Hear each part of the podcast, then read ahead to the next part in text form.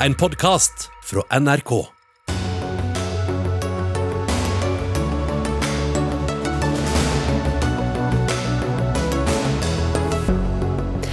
Billigere tannlege til noen, lavere makspris i barnehagen, jobbgaranti og fortsatt leting etter olje og gass.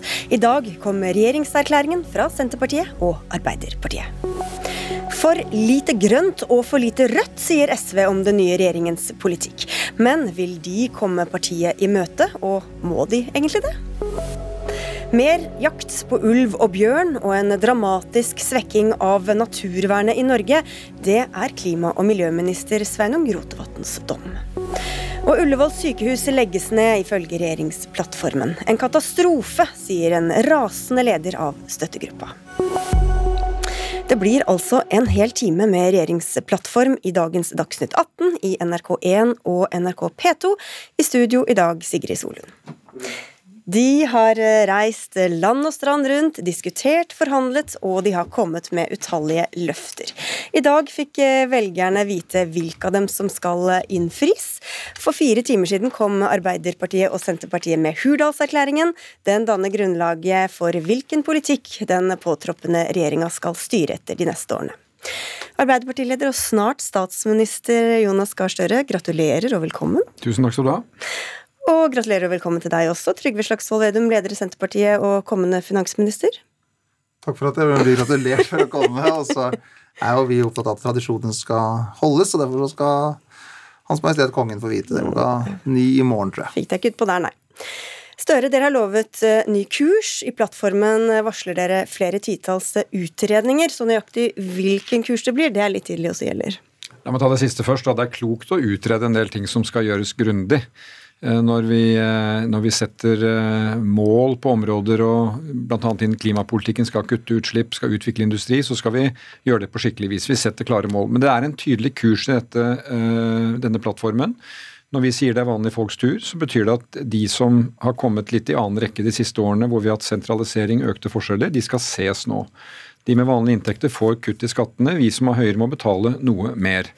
Og tiltak mot sentralisering, det skal folk merke at det kommer en annen eh, politikk, og at vi i klimapolitikken kutter utslipp og skaper jobber. Det får betydning på alle områder, så det er både konkret og kursen er veldig tydelig. Ja, for å ta noe av det konkrete, Vedum. Dere vil oppløse sammenslåtte fylker, gå tilbake på firerkravet i lærerutdanninga. Dere vil gjenopprette den nedlagte høyskolen på Nesna, fjerne den generelle adgangen til midlertidige stillinger, reversere frislipp i drosjenæringen osv. osv. Så, videre, så, så den nye kursen deres, den går egentlig bakover, den da, eller? Kursen handler om å gjøre hverdagen til folk bedre.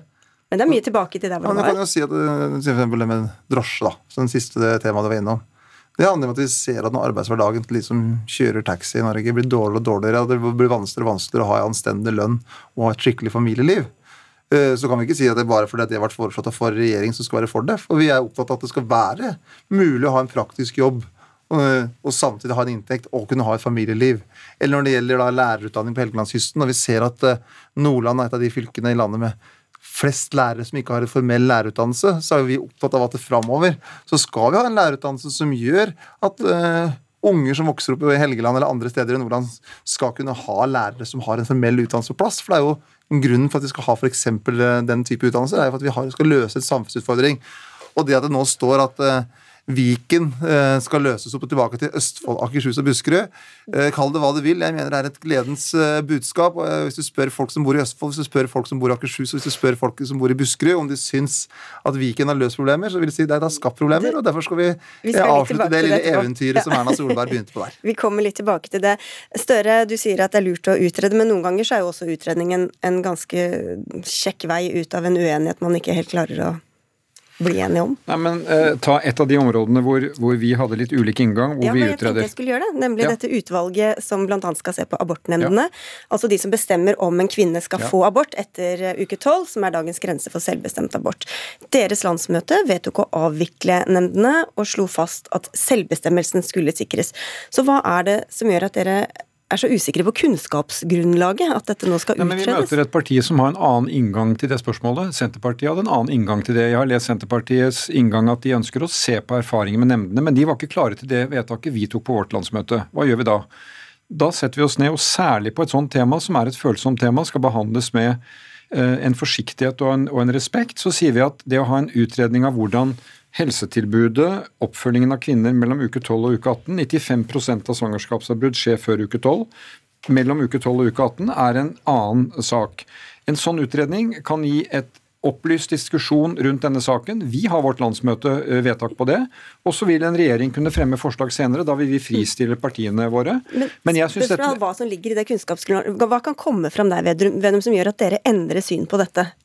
Vi i uh, Senterpartiet og Arbeiderpartiet har følt et felles ansvar også for å skru temperaturen litt ned. For det her kom inn eh, i 2018, når det ble brukt som et element i en politisk maktkamp. Uh, og så har det blitt så mye blitt en del av et politisk spill. og Derfor det å ha en grundig og ordentlig utredning Ja, men Hva skal vil, man med en utredning hvis man allerede har bestemt seg? Hva, hva, hva kan en sånn utredning komme fram til som gjør at dere eventuelt endrer mening? Poenget med det er at vi må få fram de beste fagfolka til å gi sine vurderinger. Hvordan kan vi gi et best mulig tilbud? I Norge skal det er jo 99 i hvert fall 98 da, er for at de skal selvbestemt abort. Eh, det er det, et av de temaene som det er mest konsensus om i Norge. Og så er det jo, altså vet eh, alle at mange som har vært gjennom eh, en abort, at det kan være ulike utfordringer.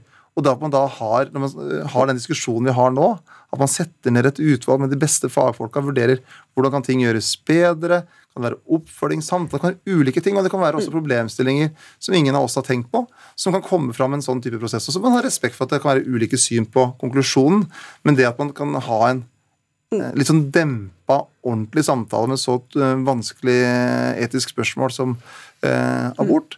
Det tror jeg alle tjener på. Så må vi også respektere at man kan ha ulike konklusjoner til slutt for det. Og så er det, og så har det, det vært... ja, du, Vi må gå litt videre her. Få inn Audun Lysbakken også. Du så bort på han. Leder i Sosialistisk Venstreparti, og et ikke støtteparti, det gjorde du klart i dag. Et opposisjonsparti, men den regjeringa først og fremst skal gå til. For lite grønt og for lite rødt, sa du i dag. Hvor blir de tøffeste forhandlingene framover? Det tror jeg blir på det som er viktigst for oss, nemlig hvordan vi skal få gjort noe med den økende ulikheten i makt og rikdom, og på klima- og naturspørsmål, hvor vi ser det er stor avstand.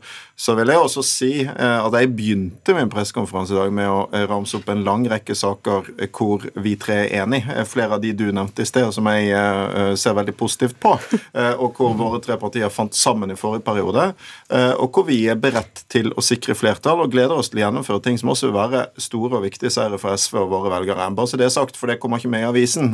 Den andre delen av mitt budskap, nemlig det vi er kritisk til, det kommer med overalt. Og det gjentar jeg selvfølgelig gjerne, for det er viktig.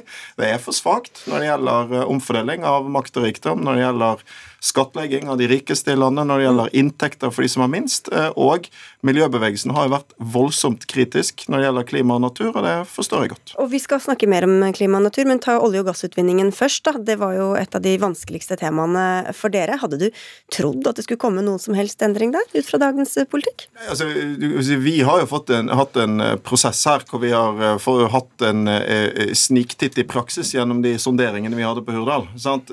Og det, nå er vi jo nettopp inne og diskutere en del av de eh, sakene som var årsaken til at SV forlot eh, Hurdal, og hvor avstanden mellom oss er for stor til at vi nå kunne danne regjering. Det gjelder skattepolitikk, synet på profitt i velferden, det gjelder klima, det gjelder oljepolitikken. Så det var jo ingen overraskelse. Men vi ser at uh, det uh, er stor avstand, en liten endring i oljepolitikken.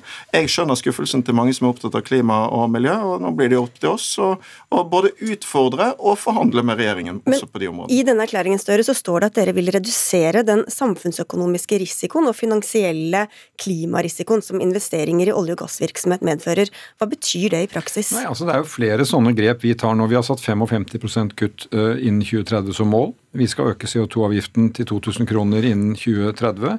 Og vi skal begynne å ha et klimaregnskap parallelt med statsbudsjettet. Og så er jo dette med klima- og miljørisiko det har jo kommet opp de siste årene fra dette klimarisikoutvalget i de beslutningene selskapene tar når de gjør investeringer, og når staten tildeler oppdrag og engasjement. Det må inn i en moderne samfunns vurdering av hvordan vi skal fortsette aktiviteten. Vi er jo i en stor omstilling. Vi vil utvikle, ikke avvikle. Ja, men det er ikke noe konkret i det da, egentlig? Jo, det kommer til å bli konkret i det. For når vi skal ta beslutning om f.eks. aktivitet da på sokkelen, så skal vi vurdere de den aktiviteten opp mot den risikoen det også er for miljø, altså livet i havet, og også i forhold til klima. Vi har det innenfor, inne i omtalen av Statens pensjonsfond utland, det lange perspektivet der selskaper de investerer i. På en lang rekke områder så kommer disse hensynene inn i denne, eh, i denne plattformen. Sveinung Rotevatn, du er på hengende håret, men fortsatt eh, klima- og miljøminister. Hva er din dom over dette klimabudsjettet, nei, klimaerklæringen? Det er i hvert fall to ting som er bra med det. og det er at De legger seg på regjeringa sitt nivå på mål for CO2-avgift, og de legger seg i øvre intervall på klimamålet. Problemet er at det er ingen nye målbare klimatiltak som vil bidra til reduserte kutt, men det er en del ting som vil gi høyere utslipp. Billigere drivstoff, billigere flybilletter, dyrere elbiler og ei tilsynelatende endring av 2025-målet for elbiler. Dette vil øke utslipp. Som sier at alle nye biler skal være Ja, I dag skal det være nullutslippsbiler, nå er de fossilfrie. Det åpner for at du kan kjøre dem på biodrivstoff i stedet for at det er nullutslipp. Men poenget er det er ingenting her som tyder på at det blir enklere å nå klimamålene framover. Tvert imot så skal det sies at det er mye vage formuleringer, så det er lov å håpe da, om at det blir veldig konkret, og at CO2-avgiften skal økes som bare det, og det skal koste å forurense. Men foreløpig er det lite som tyder på det. Ja, Støre, dere vil heve CO2-avgiften, men sier ikke hvor mye som skal skje nå, og samtidig altså drivstoffavgiftene skal ned. Hvordan er det logisk? Vi skal ha en gradvis økning av CO2-avgiftene. Men, men det som Rotevatn, som har lagt fram nå eh, et budsjett som jeg ikke tror han regnet med han ville skulle forhandle i Stortinget, for da hadde du møtt Fremskrittspartiet, og da vet vi hvordan det ville gått. Da er det hans budsjett, da. Ja, men, men eh, det er riktig. Men i vårt budsjett som vi nå skal eh, legge frem og justere, så vil vi legge vekt på at denne politikken, klimapolitikken, for å nå de målene, de kommer til å måtte bruke virkemidler vi kjenner, og vi kommer til å måtte bruke nye virkemidler. Men politikken må oppfattes som rettferdig. Vi vil ikke ha en politikk der noen grupper føler at de ikke har valg. De er i en situasjon hvor de blir påtvunget store utgifter. eh, Og da er, hvis rettferdigheten svikter, så får vi ikke til de store eh, endringene eh, vi skal gjøre. Og Det tror jeg er en oppskrift på å lykkes i klimapolitikken. Eh, eh, Og dette med elbiler, poenget er jo at det, hvis det skal være tilgjengelig for alle i hele landet, og det kommer det til å bli, så må vi bygge ut ladestasjoner. Det har ikke skjedd ennå. Og Derfor sier vi at de aller dyreste elbilene, du får betale det på toppen selv. Vi betaler som fellesskap eh, opp til et visst nivå, og så bruker vi de pengene på å kunne bygge ladestasjoner, og da kan vi nå målet vårt raskere. Vedum, dere skriver at klimapolitikken ikke skal være moraliserende. Hva er en moraliserende klimapolitikk?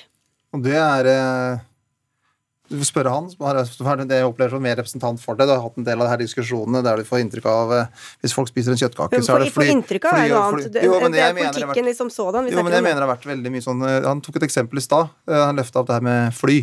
Det var et eksempel som Sveinung Rotevatn løfta at det var ille at vi ønska at det skulle bli billigere å fly. Men så sier han ikke helheten. For det vi ønsker at det skal være billigere å fly, det er etter Finnmarkskysten, i Hordaland, Nordland, kortbanenettet, der flyprisene nå er kjempehøye. Og det virker som det er noe feil. Ja, det er de Ok, som Så høye slå- flyavgifter, det er Nei, moraliserende men klimapolitikk? det, vi inntrykket på regjeringen er at, når det er, at det er noe feil. At man er opptatt det- av at også folk som bor den type steder, skal kunne ha et godt kollektivtilbud. Vi mener at det er riktig. Og når he hele klimadebatten så må vi jo sørge for at vi har en, vi skal få over norske klimagassutslipp.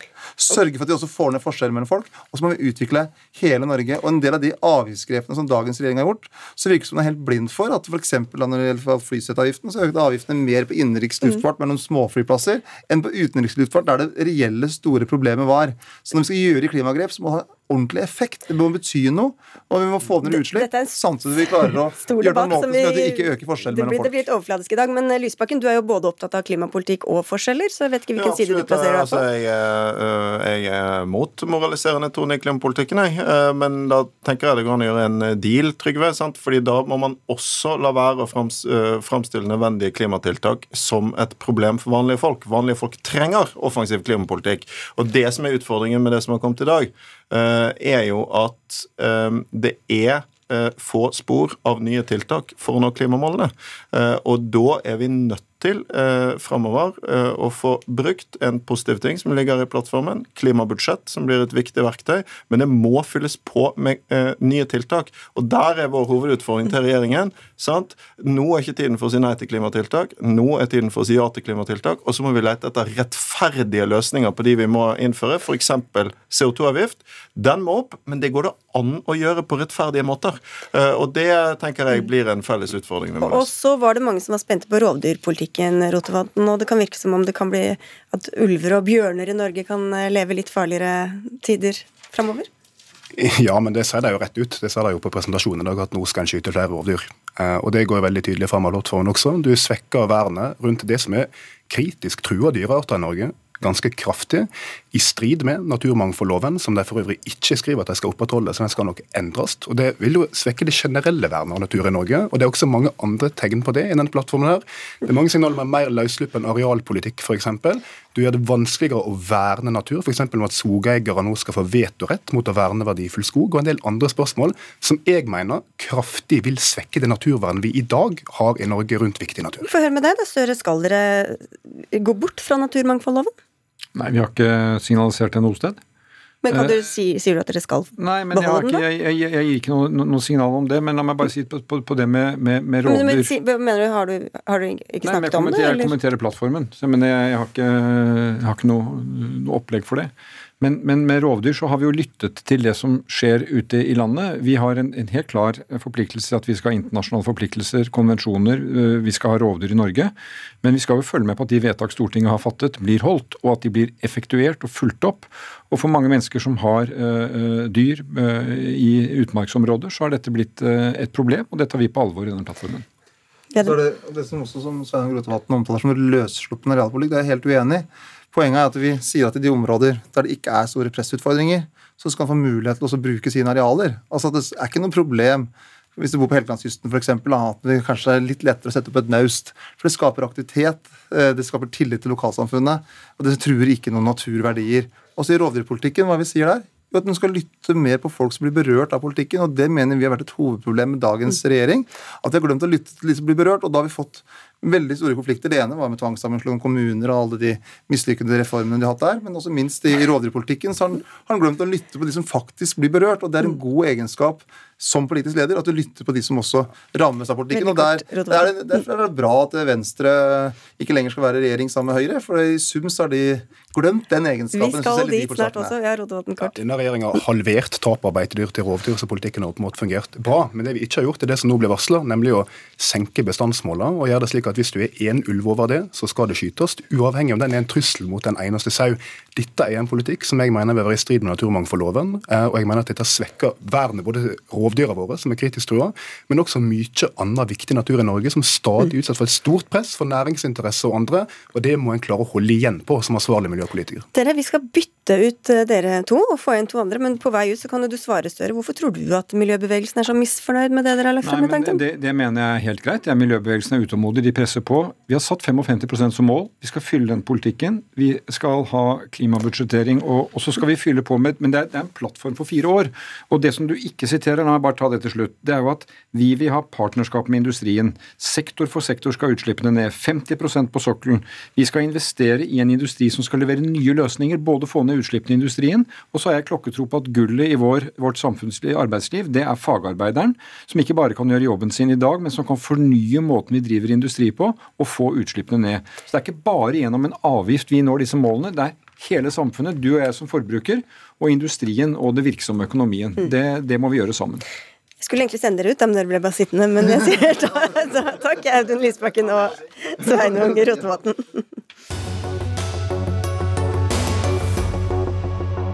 Men dere blir sittende. En ny distriktspolitikk var et av de viktigste løftene både fra Arbeiderpartiet og Senterpartiet. Men mange er skuffa i dag over det de mener er løftebrudd, og du er en av dem, Lene Haug.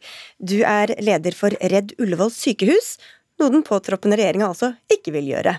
Dette har vært gjennom veldig mange runder ja. fra før av. Hvorfor trodde du at denne ville ende annerledes? Nei, jeg hadde faktisk tro på det. Eh, Så jeg er veldig både skuffa, lei meg og, og litt eh, sint eh, i dag. Jeg hadde jeg håpet at eh, Arbeiderpartiet, som jo har sagt i Oslo at de vil bevare Ullevål, det, det har jo Oslo-partiet sagt. og Eh, Senterpartiet har jo gått til valg på å redde Ullevål sykehus, eh, eh, så jo jeg hadde litt tiltro til at eh, det kanskje skulle komme noe å juble for faktisk i dag, så jeg er ordentlig lei meg. Er du like lei deg, Trygve Slagsvold Vedum?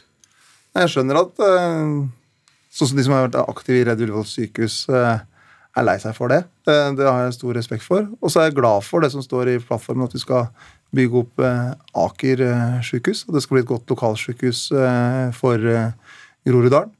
Og så opplever jeg at Senterpartiet og Arbeiderpartiet har en felles forståelse at en skal ikke bare selge den type tomter som Ullevål har, at en skal bruke det som en felles ressurs, at det kommer til å være helseaktivitet der. Men så har vi hatt ulike syn akkurat på hvem type aktivitet. Også, Her tapte dere rett og slett. Ja, Vi hadde ulike syn der, men vi fikk gjennomslag også for veldig mye. Og så nevnte også ordet distriktspolitikk eh, i introduksjonen til Ullevål. Og klart at Noe av det vi er mest glad for i plattformen, er nettopp det som står om ambulansetjeneste, styrking av følgetjeneste for gravide, fødeavdeling i. Kristiansund. Så det er veldig mange viktige Hvorfor er det grep viktigere å fylle disse gamle bygningene med fortsatt sykehusdrift, enn at, at rett og slett befolkningen får et godt nok Det, det, tilbud? det er jo det vi mener at det ikke er. Eh, Og det er jo det vi har argumentert så eh, sterkt for. Det er jo ikke bare Redd Ullevål sykehus, men det er jo fagforeningene, altså eh, 14 fagforeninger som er eh, tillitsvalgte for eh, e- 23 000 ansatte, som er imot disse planene og vært i veldig mange år, for det svekker og det gir oss dårligere helsetjenester. Eh, Og det å bygge et sykehus på Aker, det, vi, det har jo ligget inne i plattformen hele tiden, Eh, så det er jo ikke noe å være eh, dessverre glad for nå. Det er jo Helse Sør-Øst sine planer. Eh, Og problemet med det er at det er altså i det som kalles etappe 1, for å være teknisk, så er det ikke plass til hele Groruddalen på den nye Aker. Når Ullevål legges ned, så er det de bydelene som er Ullevål eh, som sykehus i dag, som må flytte inn på Aker. Da må, må Grorud og Stovner fortsette å være på Ahus, som er helt overfylt per i dag, i, inn i en uviss fremtid. Så dette er veldig dårlig nytt for eh, hele regionen, hele Helse Sør-Øst-regionen.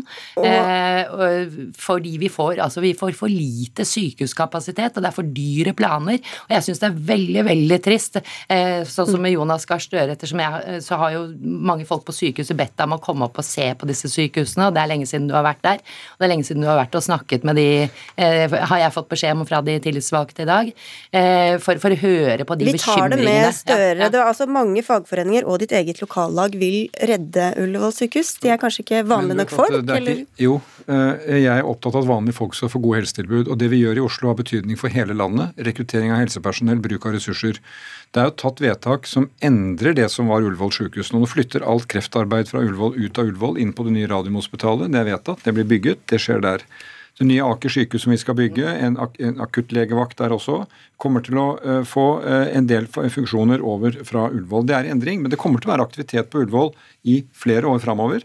Og vi må levere tilbud. All laboratorietjeneste på Ullevål i dag skal flyttes inn til dette livsvitenskapssenteret. Så dette er i endring, men det jeg er opptatt av er at Oslo må velge sine løsninger, også med perspektiv på resten av landet. For vi har én kritisk mangel, og det er på dyktige fagfolk som skal fylle disse funksjonene. Og da må Oslo planlegge på en måte som gjør at vi har nok helsepersonell for andre deler av landet. Og dette kommer til å være i utvikling. Oslo Arbeiderparti er opptatt av at det skal være aktivitet på Ullevål. Det tar vi med oss inn eh, videre.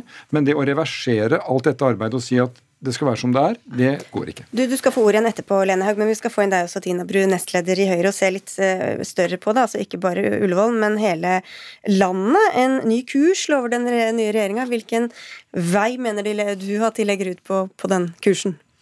Ja, Det jeg har klart å lese meg til i regjeringserklæringen i dag, så mener jeg at der hvor den nye påtroppende regjeringen er konkret, det er på de tingene de vil bakover på.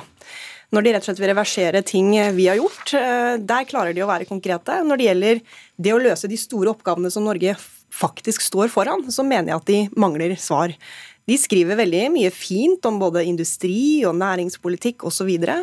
Men det er veldig, veldig mye store, fine ord og veldig lite konkret. Bortsett fra på de tingene hvor de egentlig, men i hvert fall etter mitt syn, kommer med ganske dyre ideer som gir dårligere løsninger for landet. Og en av de ideene er jo da, Vedum, som vi var inne på, eh, at nye sammenslåtte fylker skal kunne løses opp igjen.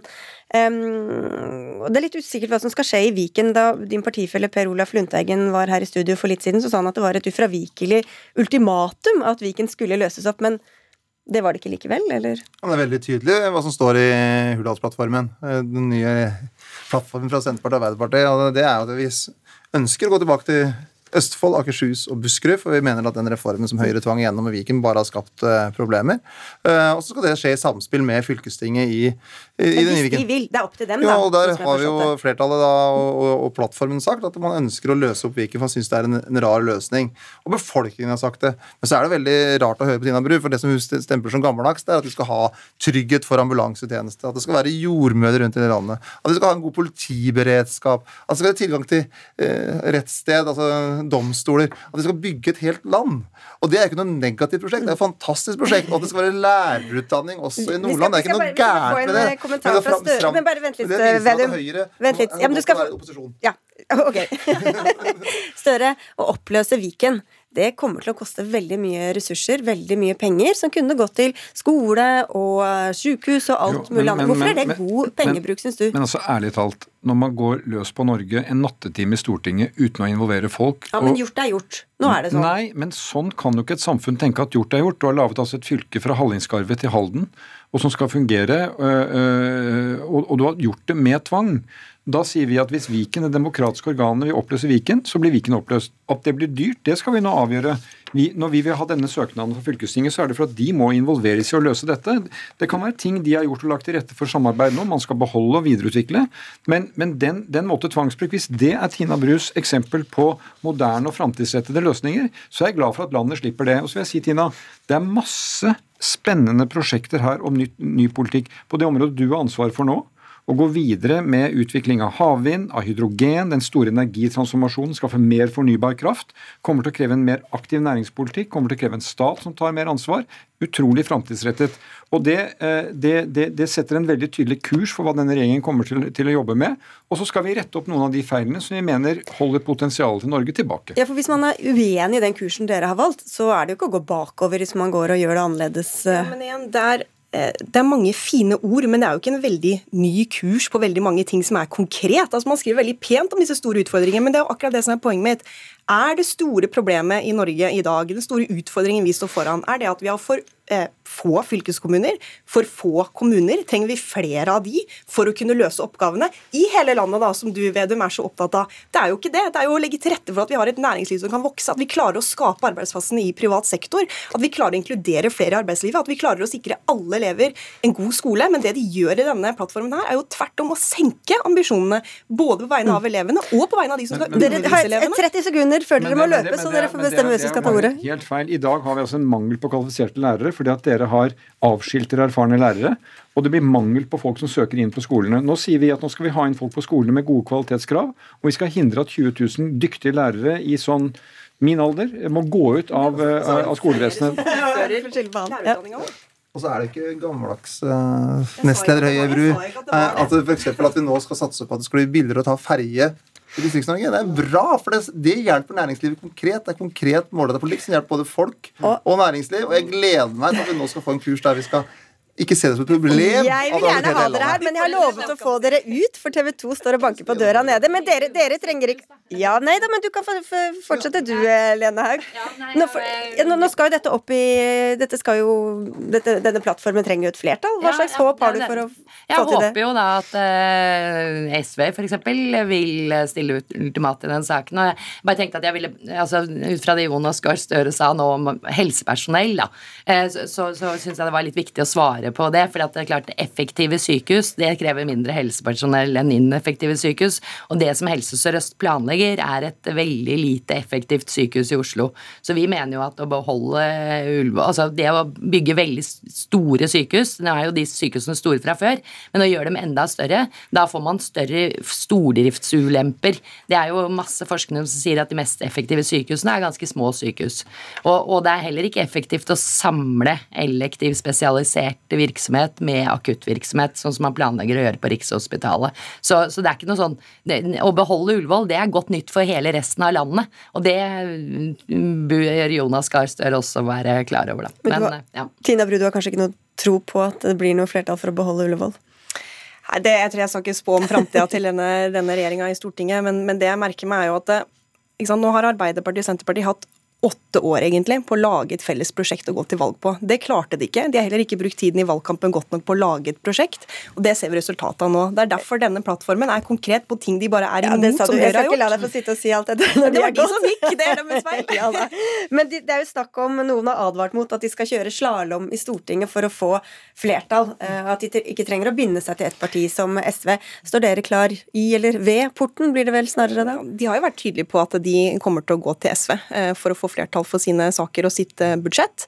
Men gitt det at denne erklæringen er såpass retningsløs på de store spørsmålene, da, så er det kanskje opp til SV da å sette farge på denne regjeringen. Det kan godt skje, men Høyre kommer til å være et ansvarlig styringsparti også i Stortinget. Og hvis vi kan få flertall for vår politikk, som gjør at vi får bedre løsninger for Norge, så kommer vi selvfølgelig til å ta ansvar også i Stortinget. Så hvis de kommer til dere f.eks. i oljepolitikken eller forsvarspolitikken, så står dere klare? Som sagt, vi står klare med vår politikk, og vi har til og med konkrete forslag vi som kan fylle inn alle de store, fine ordene de kommer med, uten innhold. Dere, takk skal dere ha for at dere var med i eh, Dagsnytt 18. Tina Bru, nestleder i Høyre, og Lene Haug, leder i aksjonen Redd Ullevål. Og til eh, Jonas Gahr Støre og Trygve Slagsvold Vedum, som har eh, forlatt oss.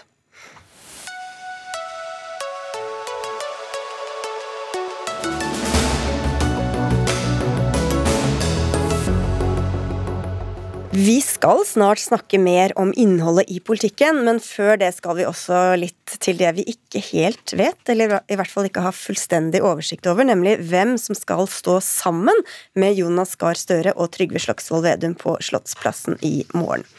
Magnus Takvam, politisk kommentator i NRK. Kabalen er lagt, sa Jonas Gahr Støre før han gikk inn i studio her, og at den har egentlig vært det en liten stund. Hvem er det vi vet helt sikkert at blir statsråder? Det er jo en eh, etter hvert relativt lang liste. Eh, Anniken Huitfeldt utenriksminister, Trygve Slagsvold Vedum blir jo finansminister og Støre statsminister. Hadia Tajik arbeids- og sosialminister. Eh, så har vi fått et nytt navn på listen som heter Jan Christian Vestre akkurat nå. Han er ikke så kjent som politiker, men han er næringslivsleder og leder en møbelfabrikk, Vestre. Og, en veldig miljøvennlig møbelfabrikk? Ja, nettopp. Altså. Og har vært veldig mye brukt av Arbeiderpartiet i ulike sammenhenger. Så han er 35 år. Tidligere AUF-er? Sentralstyremedlem i AUF.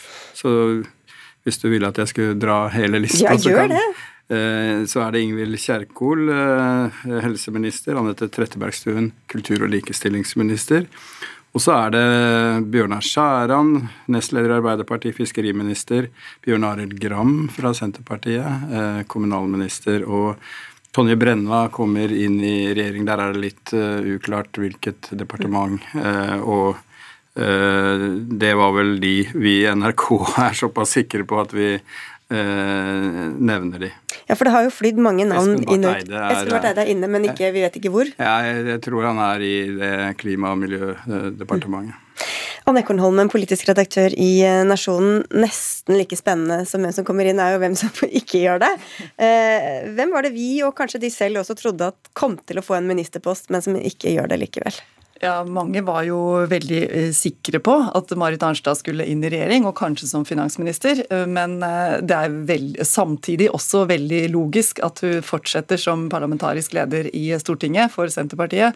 Det er jo et valg som gjør at Senterpartiet er har erfaringen i Stortinget, og det blir jo mye forhandlinger eh, når man har en, en, mindretallsregjering.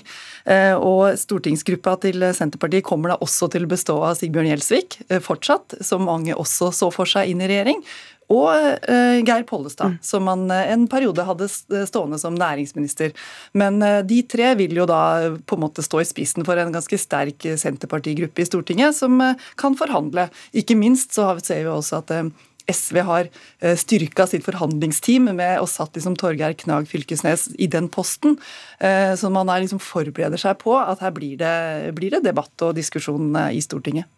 Magnus Takvam, Det virker jo som det tok litt tid å legge denne kabalen, at det skjedde i hvert fall ganske nært opp til at regjeringen skal tiltre. Hvorfor, hvorfor skjer disse rokeringene? Hvorfor, hvorfor, tar det sånn tid, og hvorfor skjer det så nært opp til at, at de skal overta? Det, jo, eh, har jo også, det har mye sammenheng tror jeg, med at det ble en mindretallsregjering, og dermed noe flere poster å, å, å fylle.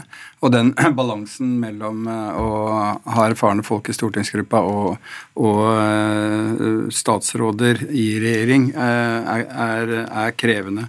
Og så vil jeg si altså at Arbeiderpartiet, der, der har jo mange lenge pekt på at de har hatt et rekrutteringsproblem med å, å rekruttere nye talenter under, under, toppledelsen. Så det er ikke bare bare å plukke eh, flinke statsråder eh, i Arbeiderpartiet heller. Så en kombinasjon av de tingene tror jeg, tror jeg er årsaken. Og så ser vi jo at, jeg bare For å skyte inn det, at, eh, at eh, han Vestre, som du nevnte, og Tonje Brenna er jo de to første statsrådene, hvis de kommer inn, da, som kommer fra Utøya-generasjonen, for å si det sånn. Vestre var jo også var jo styreleder for gjenoppbyggingen av Utøya.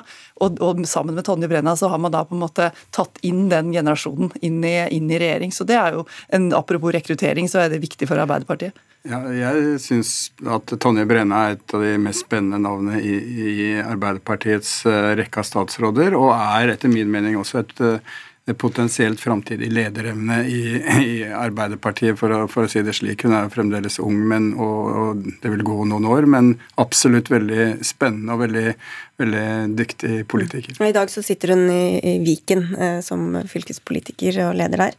Um, Vedum som finansminister, Ekornholmen, tror du det var hans ønske, eller? Uh ja, altså, Både ja og nei, tror jeg. For det er klart at det er jo en viktig post. Eh, og, og det er, men det, det er, som det er blitt sagt, så har han kanskje blitt pressa av Støre til å ta den eh, jobben for å eh, kan du si, binde Senterpartiet litt til pengesekken. Og, så det er jo en, sånn, en delt glede, kan man kanskje kalle det. Men, men med da Sigbjørn Gjelsvik, som har vært finanspolitisk talsmann for Senterpartiet lenge, fortsatt i Stortinget, så har han jo også mye å støtte seg på, for å si det sånn, og mye kunnskap der. Så, så, jeg tror nok det er en post som Vedum både har ønska, eh, men også som er et stort ansvar, åpenbart, og som, som vil eh, bli, bli, eh, avgjørende når pengene skal fordeles utover. Ja, for det er, det er også en post hvor man kan få mye kjeft, da, Magnus Takvam? Ja, Det er klart, det er jo en ministerpost som er kjent for å si nei til ting. Og det, i hvert fall i valgkampen så er det, er det kanskje omvendt av det Senterpartiet og Trygve Slagsvold Vedum har gjort. Så økonomisk disiplin er jo en viktig funksjon.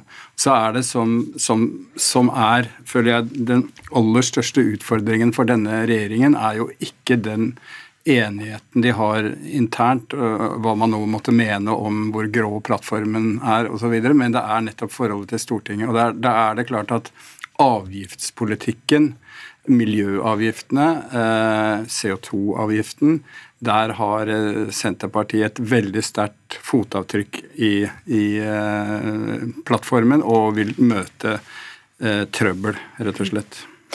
Vi har jo Nå har ikke jeg talt opp hvor mange navn vi hadde på denne lista, men det er jo fortsatt noen som ikke er der. Vi hadde en og liten overraskelse her med Vestre, men kan det komme inn andre fra sidelinja ja, også er, fortsatt? Det er fortsatt, eh, det er fortsatt noen navn som svirrer, og som er blitt nevnt mange ganger. Altså, eh, nå så jeg akkurat at Marte Mjøs Persen eh, er nevnt som en mulig oljeminister fra, for Arbeiderpartiet. Hun er byrådsleder i Bergen? Riktig. Og, og samtidig så, så, er Emilie Enger Mehl nevnt for Senterpartiet. En, en, stjerne, kommende stjerne for Senterpartiet, er det mange som sier. Og samtidig så ser man at det spekuleres i Odd Roger Enoksen som ny forsvarsminister fra Andøya. Eh, så, så det er, og det er jo en miks her da, av eh, nye og eldre, eh, for å si det sånn. Talenter og erfarne. Så, men disse her ikke, får vi ikke bekrefta kanskje før i morgen, da. Ja, Emilie Enger Mehl har, har, vel vi i NRK fått bekreftet. Fikk, fikk ikke henne med den første oppramsingen. Så det er også et, et ungt og, og spennende navn fra Senterpartiet som har vært med i utenrikskomiteen og markert seg veldig sterkt i den striden som en del husker om Bergen Engines f.eks. Så, så det er et, nytt talent eh, som ikke så mange kjenner utenom de i Hedmark. Også en mulig eh, landbruksminister kan det være. Mm. De klarer å holde tett, da. Det, vanligvis så, så, får man jo ut alle navnene før de står der på Slottsplassen. Ja, de har lagt mye vekt på å holde, holde, det internt. Noe siver ut, og jeg tror kanskje de siste navnene også kommer etter hvert. Men vi må være såpass sikre at vi har flere enn én som sier det, og, og ikke bare rykter. Det er mange pokerfjes eh, akkurat nå for tida, i hvert fall. mange som ikke tar telefonen når dere ringer. Ja, det er det også. ja. Det er bare å følge med på nrk.no og sikkert også Nasjonen eh, utover eh, kvelden. Og helt sikre blir vi i hvert fall kvart over tolv i morgen når vi ser hvem som kommer ut på Slottsplassen. Anne Ekornholmen, politisk redaktør i Nasjonen, takk skal du ha. Og takk til deg, Magnus Takva, men du kommer tilbake om en liten stund.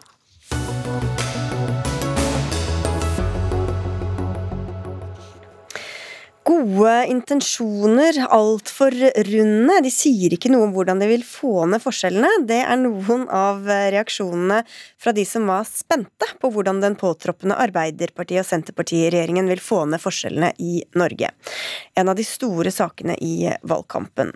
Partiet Rødt var ikke så imponert over alt som sto i denne plattformen som ble offentliggjort i dag. Stortingsrepresentant Sofie Marhaug, hva manglet etter deres syn? Eh, en ting som mangler, er jo eh, finansiering av noen av de eh, fine ordene, da, sånn som å redusere fattigdommen. Hvordan skal man gjøre det når man freder høyresidens skattepolitikk langt på vei? Ehm, det er jo på en måte noe som Rødt ofte får spørsmål om. Hvor skal dere ta alle pengene fra til gratis tannhelse, til eh, å reversere alle usosiale kutt? Og så ser vi en eh, regjeringsplattform der man ikke egentlig har noen eh, særlig god plan for akkurat det. Og så er jo det noe som er bra der, da. Det er jo bra at man sier at man vil eh, forlenge eh, eh, de som går på arbeidsavklaringspenger. Og så er jo det noe som egentlig haster veldig, for det er mange tusen mennesker som, som i disse dager står i fare for å miste arbeidsavklaringspengene. Så at det står spesifikt i plattformen, det må følges opp med en gang hvis vi skal hindre at folk ender i fattigdom. Ja, For der ble reglene gjort om litt under dagens regjering. Ja. Det ble kuttet i arbeidsavklaringspenger, og det kan sikkert Elisabeth Thoresen mye bedre enn meg. ja, Velkommen, Elisabeth Thoresen. Du er leder av AAP-aksjonen, som altså har jobbet for å endre avkortingen i perioden man kan få arbeidsavklaringspenger. Vi skulle jo gjerne hatt Senterpartiet eller Arbeiderpartiet her også sammen med dere, men de eh, hadde ingen som kunne eller ville eller hva vet jeg stille i denne debatten. Men du sier at du ikke blei så klok av den plattformen som kom i dag? Nei, fordi den er litt vag. Den sier på en måte at syke og arbeidsuføre de skal få lov til å beholde arbeidsavklaringspengene sine eh, hvis de ikke er ferdig utredet, behandlet eller arbeidsavklart. Men den sier på en måte ikke noe om at de ønsker å endre lovverket.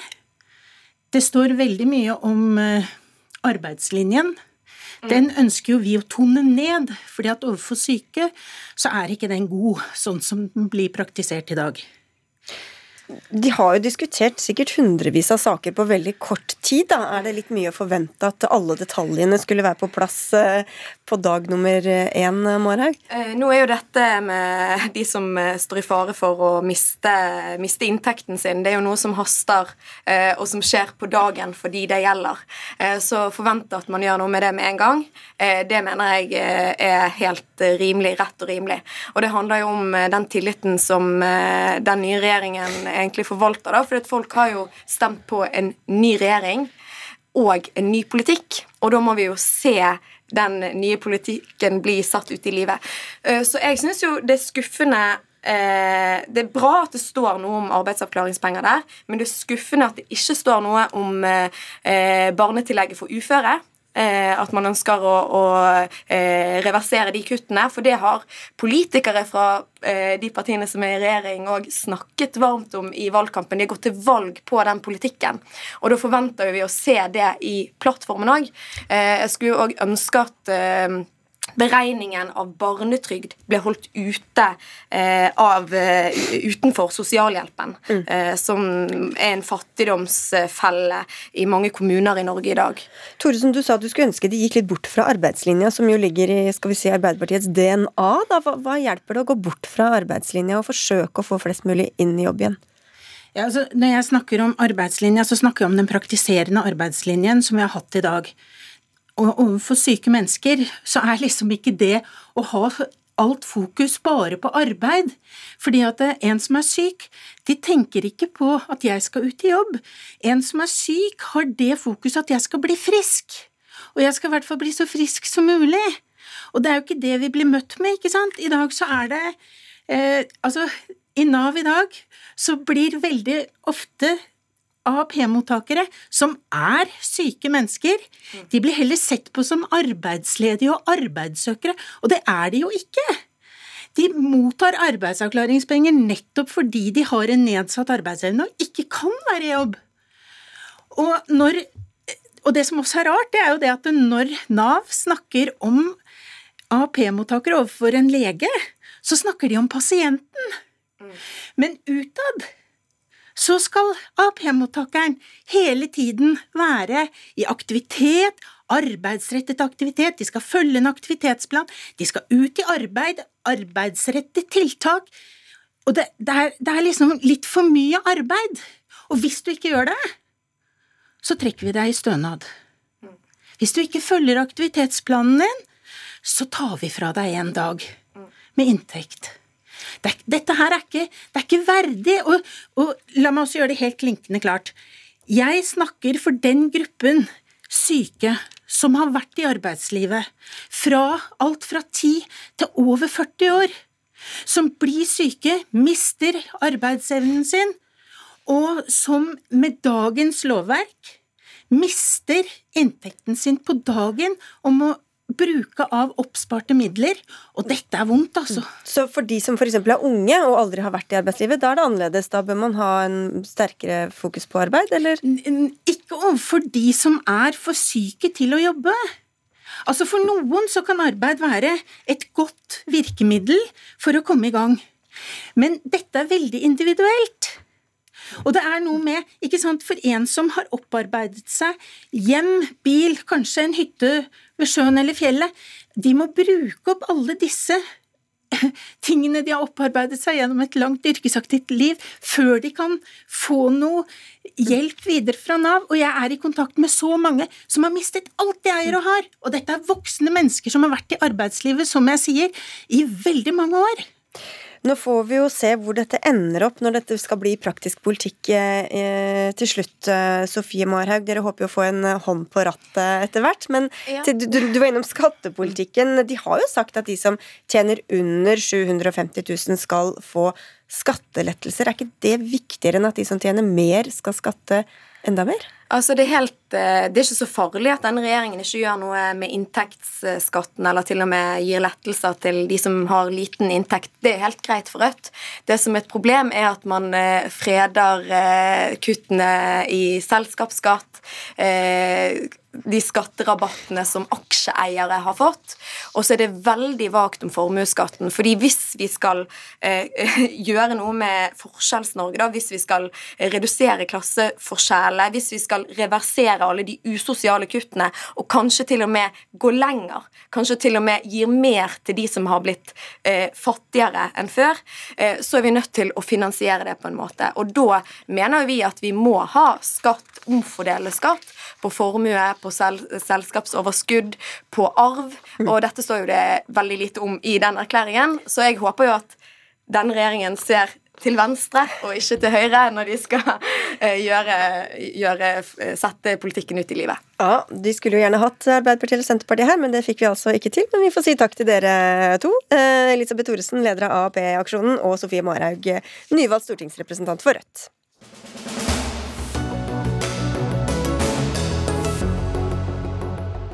Ja, den 84 eh, år Nei, ikke fire ikke år, men sider.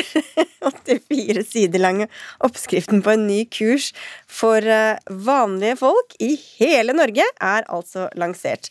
Om én ting er klart, så er det at dette da skal markere et skifte fra den avtroppende høyreregjeringen. Men Magnus Takvam, politisk kommentator i NRK fortsatt, mm. hva vil du si de to partiene har, kan innkassere som sine største seire? Vi har vært innom mange temaer så langt i sendinga.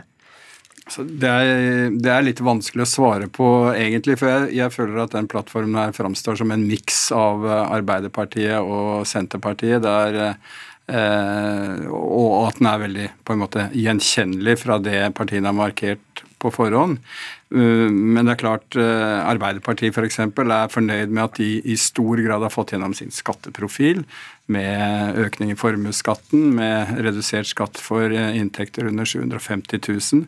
Selvfølgelig, hvis man ser på det og baserer regjeringen på EØS-avtalen som en seier, så er det klart det er Arbeiderpartiet tilhenger av. Eh, men eh, som sagt, det er en gjenkjennelig plattform. Og jeg, som jeg var litt inne på tidligere, tror at utfordringen for denne regjeringen blir forholdet til Stortinget. For så vidt både til venstresiden, som Sofie Marhaug representerte, og særlig SV i forhandlingene. Men vi hørte også, siden det er klima og miljø som på en måte er eh, mest i konflikt med SV. Eh, at det også er en opposisjon til Høyre på miljøspørsmålet. Så det jeg er spent på i så fall, er om alt dette fører til en mer polarisert klima- og miljødebatt i det hele tatt, når regjeringen på en måte da ligger i midten mellom to miljøopposisjoner. Det, det blir spennende å føle. Vi skal litt tilbake til noen av disse temaene. Vi, skal, vi er jo veldig opptatt i Dagsnytt 18 av å speile hele landet, så vi skal ta en rundtur rundt i noen av eh, landets største byer. og Vi begynner i eh, Tromsø, hvor du sitter, Maja Soitaric. Du er kommentator i Nordlys. Vi har jo snakket litt om kompromisser og tydelige seire. Hvor, hvor tydelig er det hva som er Arbeiderpartipolitikk, og hva som er Senterpartipolitikk i det som ble lagt fram i dag? Altså, det er jo eh, veldig mye runde eh, definisjoner og formuleringer her, så eh, å sette halen på akkurat den duen er jo ikke veldig lett. Men nordområdepolitikken vil jeg si er veldig tydelig og typisk Arbeiderpartipolitikk. Det her, det, det her er jo noe vi kjenner jo veldig godt til fra når Jonas Gahr Støre var utenriksminister. Veldig mange av de her formuleringene kommer også fra Eh, det han tidligere har sagt i Tromsø, eh, bl.a. Eh, I, i taler og også under valgkampen. Og jeg tror nok det her med Barentssamarbeid, det her med å, å myke opp forholdet til Russland i nord, vil, er veldig sånn typisk Arbeiderpartipolitikk. Når det gjelder Senterpartiet, så har de jo gitt litt, og de har eh, nok tapt litt i nord. Eh, de har gitt mange løfter i nord. Eh, lista over løfter til særlig distriktsdeler av Nord-Norge er jo veldig lang. Fergeprisene har vært veldig er jo nok positivt tatt imot, mens det nok er verre stilt mm. med nedleggelsen av Andøya flystasjon. Ja, det var en stor sak i dag, men veldig sint og skuffa ordfører fra Senterpartiet også. Men vi skal til deg, Sivert Rossing, du er nyhetsredaktør i Trønderavisa med oss fra Trondheim. Det er noen ord som har gått igjen i den timen vi snart har lagt bak oss i Dagsnytt 18 her, nemlig at det er mye runde formuleringer og litt eh, diffuse eh, diffus politikk, og du skriver i en kommentar i Trønderavisa at erklæringen er mindre konkret enn den kunne vært, og du har talt 44 tilfeller av vurdere. Hva kan det få å si, tror du? Man må jo legge til eh, ytterligere eh, tilfeller rundt eh, ord som sette ned en kommisjon, gå gjennom osv. Jeg tror jeg har talt til sammen 146 sånne ulike måter å si at man skal svare på, svare på noe senere. Det tror jeg for det første betyr at Ap og Senterpartiet har utsatt mange dueller seg imellom, fordi mange av punktene her er de jo oppriktig uenig i. Så tror jeg det er med å gjøre det litt sånn uklart. Hva er det som egentlig blir gjennomført? Når blir det gjennomført? Og hvor sterkt blir det gjennomført. Eh, det er jo mange av eh, Hvis man f.eks. tar det her med, med, EØS, da, man skal utrede handlingsrommet. Det kan jo bli solgt inn som en stor seier for Senterpartiet. Det kan jo bety absolutt ingenting.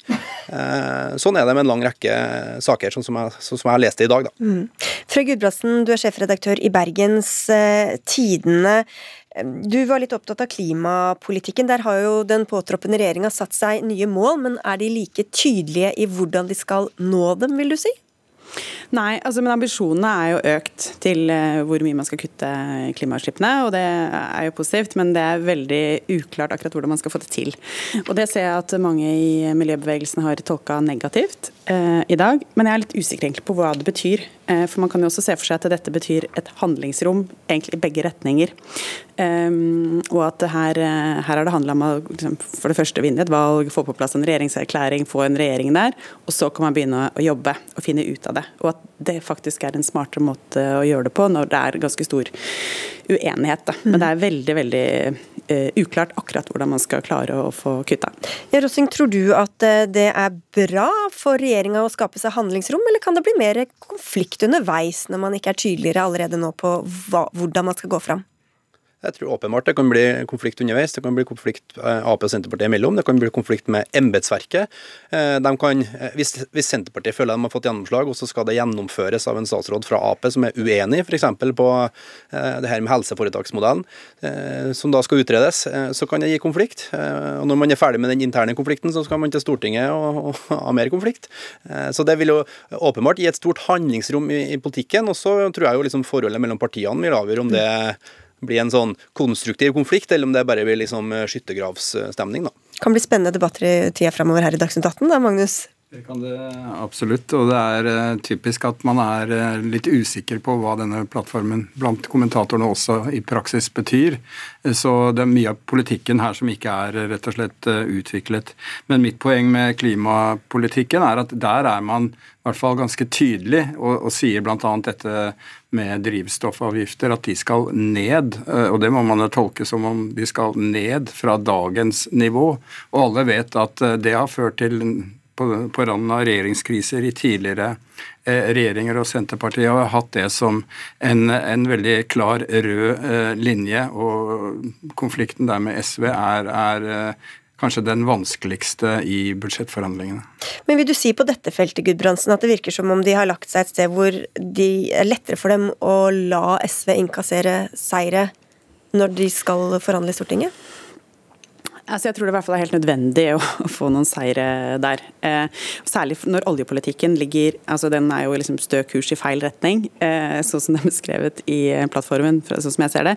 Og det er klart at da man, eh, er man helt nødt til å komme til eh, enighet på noen andre punkter innenfor klimapolitikken. For hvis ikke så henger det jo ikke helt Da vil man aldri, eh, aldri SV være fornøyd. Så her vil det komme noen eh, forhandlinger, og så skal jo ting gjennomføres også etter hvert. og man skal jo lage en, Når man setter seg høyere mål, så er det ikke helt Eh, helt borti natta og faktisk lage en ny plan til hvordan man skal eh, nå de målene.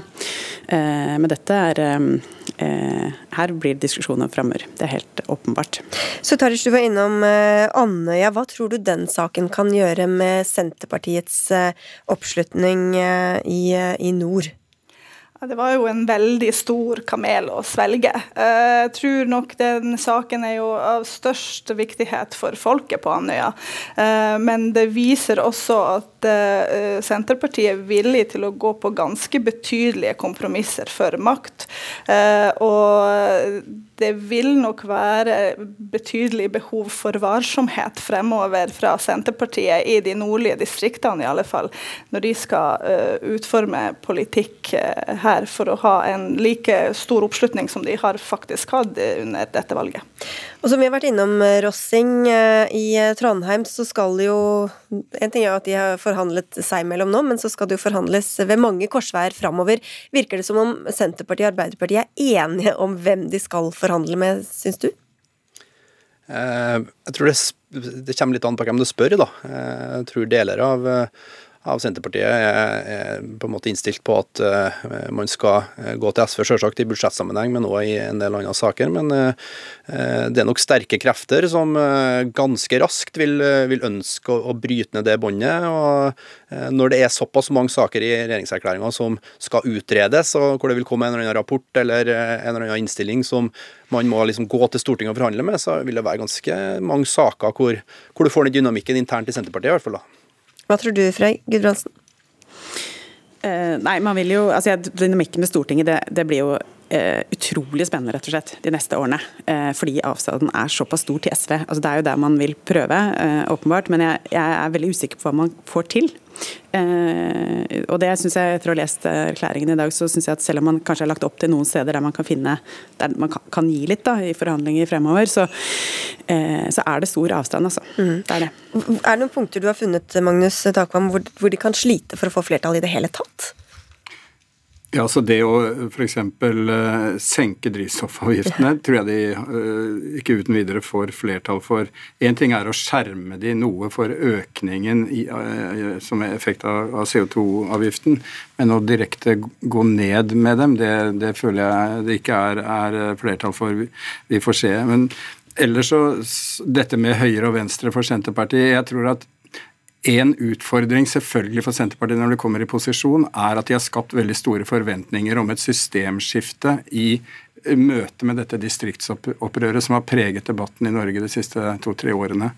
Og det er klart at de, Den sentraliseringstrenden som fins i vårt samfunn og andre samfunn, er så sterk at hvis de ikke klarer å vise eh, at, at, de er, at den snur, så tror jeg også eh, presset på Senterpartiet blir stort. Og det er klart at å, å gå til høyresiden i den typen eh, på det politikkområdet tror jeg kanskje ikke er, er veien å gå for Senterpartiet. Vi fikk erklæringen i dag. I morgen blir regjeringa presentert. Takk skal dere ha, Magnus Takvam, Sivert Rossing, Maja Suitaric og Frøy Gudbrandsen, Gro Arneberg, Eli Kyrkjebø og jeg, Sigrid Solund, takker for følget.